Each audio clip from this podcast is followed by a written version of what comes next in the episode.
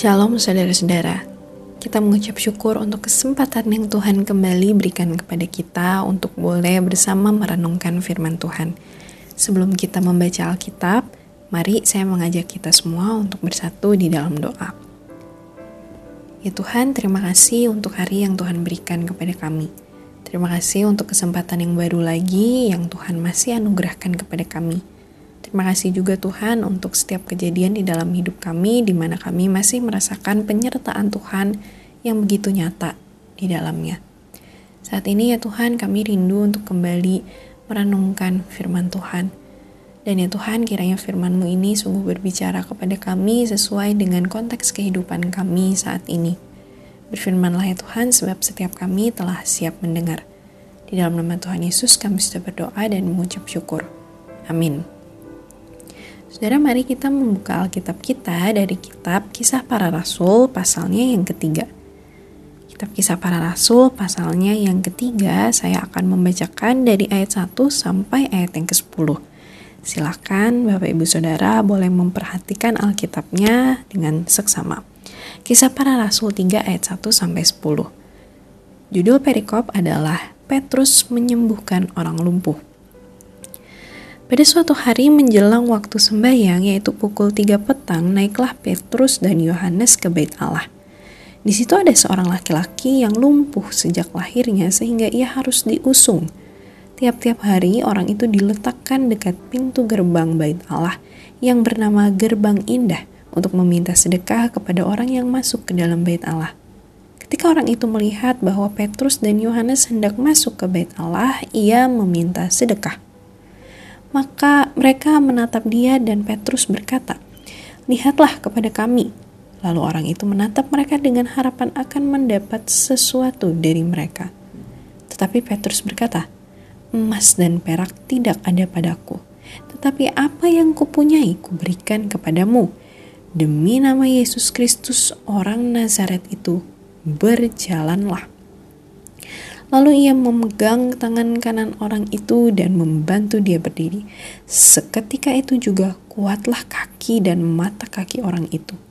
Ia melonjak berdiri lalu berjalan kian kemari dan mengikuti mereka ke dalam bait Allah, berjalan dan melompat-lompat serta memuji Allah. Seluruh rakyat itu melihat dia berjalan sambil memuji Allah, lalu mereka mengenal dia sebagai orang yang biasanya duduk dan meminta sedekah di gerbang indah bait Allah, sehingga mereka takjub dan tercengang tentang apa yang terjadi kepadanya. Saudara-saudara, kisah dari orang lumpuh yang tiba-tiba bisa berjalan ini itu berbeda dengan peristiwa-peristiwa orang sakit yang disembuhkan. Tidak pernah ada kisah orang yang lumpuh sejak lahir lalu sembuh lalu kemudian bisa langsung berjalan. Jika ada orang yang sakit, sudah berbaring berminggu-minggu di tempat tidur dan berhasil disembuhkan, maka ia tidak akan langsung bisa berdiri begitu saja, tapi ia harus bangun perlahan-lahan. Lalu dia beradaptasi dengan aliran darahnya yang lebih cepat. Dia merasakan otot-ototnya, merasakan sendi-sendinya, kemudian dia e, menyesuaikan dulu fisiknya, baru kemudian dia bisa berdiri, mengatasi rasa pusing, dan kemudian dia mulai melangkahkan kakinya satu demi satu dan berjalan. Itu pun juga harus dituntun tidak bisa masa adaptasi ini terjadi dengan cepat.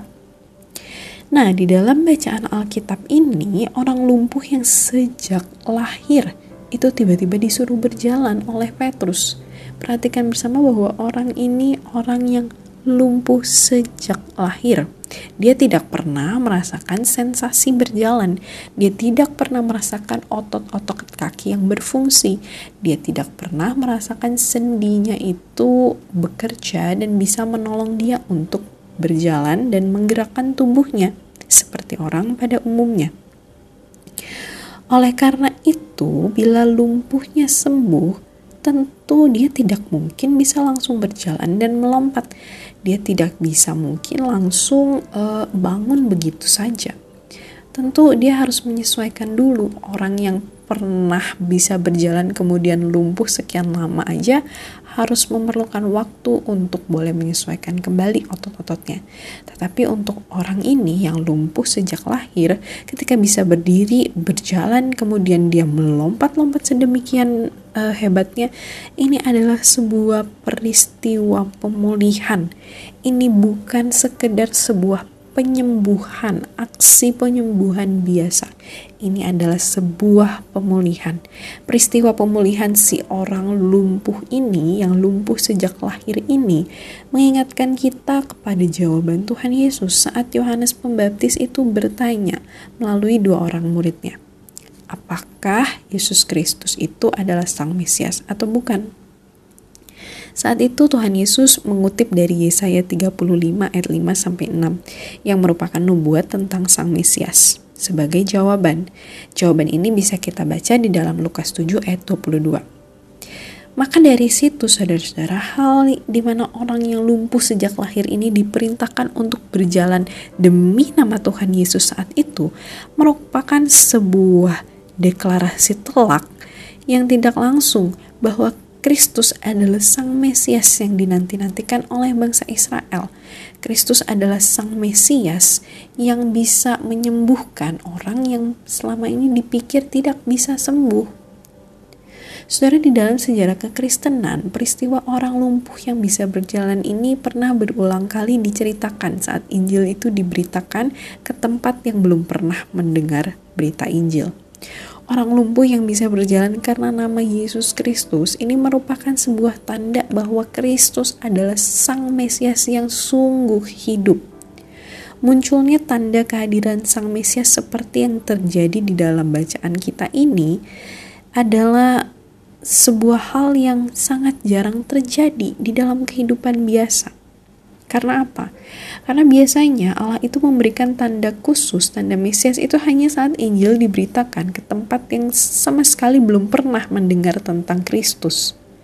Sebagai orang Kristen yang sudah mengenal Kristus, kita yang memiliki iman, meskipun kita ini belum melihat tanda-tandanya, apakah saat ini kita tetap mempertahankan iman kita?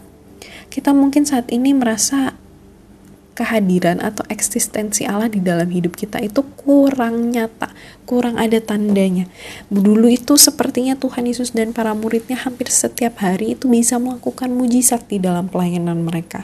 Sepertinya kok Tuhan Yesus dan para muridnya itu uh, track recordnya itu adalah mujizat, mujizat, mujizat yang uh, orang yang sakit menjadi sembuh, yang lumpuh bisa berjalan, yang buta melihat, yang sakit pendarahan bisa berhenti pendarahannya, yang mati bisa dibangkitkan kembali dan begitu banyak tanda kemesiasan Kristus ketika waktu itu ia hidup di muka bumi ini. Tetapi mungkin saat ini kita berpikir, di tengah-tengah kondisi kita saat ini, di tengah-tengah situasi yang sulit saat ini, mengapa kok seolah-olah tanda kemesiasan Kristus itu luntur ya? Kita mungkin saat ini sedang berpikir kok tanda-tanda eksistensi Allah itu di dalam hidup saya semakin redup ya. Kok perjalanan iman saya selama ini akhirnya tiba di dalam satu titik yang saya hanya melihat warna abu-abu atau mungkin warna gelap atau mungkin bahkan hitam sama sekali karena saya tidak bisa merasakan tanda-tanda kemesiasan Kristus. Saudara ketika saudara-saudara merasakan ini, saudara-saudara waktu itu ketika si orang lumpuh itu dia berdiri dan meminta-minta kepada Petrus dan Yohanes yang sedang lewat di depannya. Apa sih yang diharapkan oleh orang lumpuh ini? Orang lumpuh ini harapannya mendapatkan sesuatu berupa materi, mungkin koin-koin, uang-uang receh, mungkin roti untuk makanannya di hari itu atau mungkin sekedar sedikit lauk sisa untuk dia bisa mengganjal perutnya. Tetapi Petrus bilang apa? Harta benda duniawi, emas perak itu tidak ada padaku. Tetapi apa yang kupunyai kuberikan kepadamu. Apa sih yang Petrus punyai yang diberikan akhirnya kepada orang lumpuh ini? Yaitu adalah sebuah iman, pengharapan yang baru di dalam kesembuhannya. Petrus sedang mengajar orang ini untuk melihat beyond dari apa yang ia harapkan selama ini. Mungkin selama ini dia hanya beriman hari demi hari dia mendapatkan roti, hari demi hari dia mendapatkan uang yang kecil untuk bisa dia bertahan hidup. Dia bisa bertahan hidup day by day aja hanya dengan belas kasihan orang yang lewat itu mungkin sudah cukup bagi dia dan mungkin hanya itu harapannya dia. Mungkin imannya dia hanya sekecil dan sependek itu tetapi ketika Petrus mendeklarasikan kesembuhannya demi nama Kristus, maka saat itu Petrus sedang mengajak orang ini untuk melihat beyond, go through what you expect. Berimanlah melebihi ekspektasinya saat itu. Berimanlah melebihi dari apa yang dia pikirkan untuk sekedar bertahan hidup hari demi hari. Berimanlah untuk sembuh, walaupun sejak lahir engkau tidak pernah bisa merasakan berjalan. Saudara-saudara, bagaimana dengan kita? Kita saat ini mungkin merasa tanda mujizat atau tanda kemesiasan yang Tuhan berikan kepada kita itu kurang. Karena apa? Karena iman kita hanya melihat mentok hari demi hari aja. Tetapi kita mungkin belum memberanikan diri kita untuk melihat go through beyond what we expect. Melihat melebihi apa yang kita harapkan. Beriman melebihi apa yang kita ekspektasikan. Saudara-saudara, pernahkah kita memberanikan perjalanan iman kita ini melebihi dari ekspektasi kita?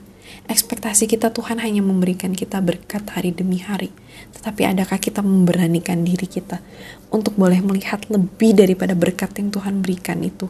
Kita memiliki iman bahwa akan ada sebuah pemulihan yang Tuhan akan berikan kepada kita akar pahit yang selama ini kita semakin pendam dan kita harap ini gak akan pernah bisa selesai.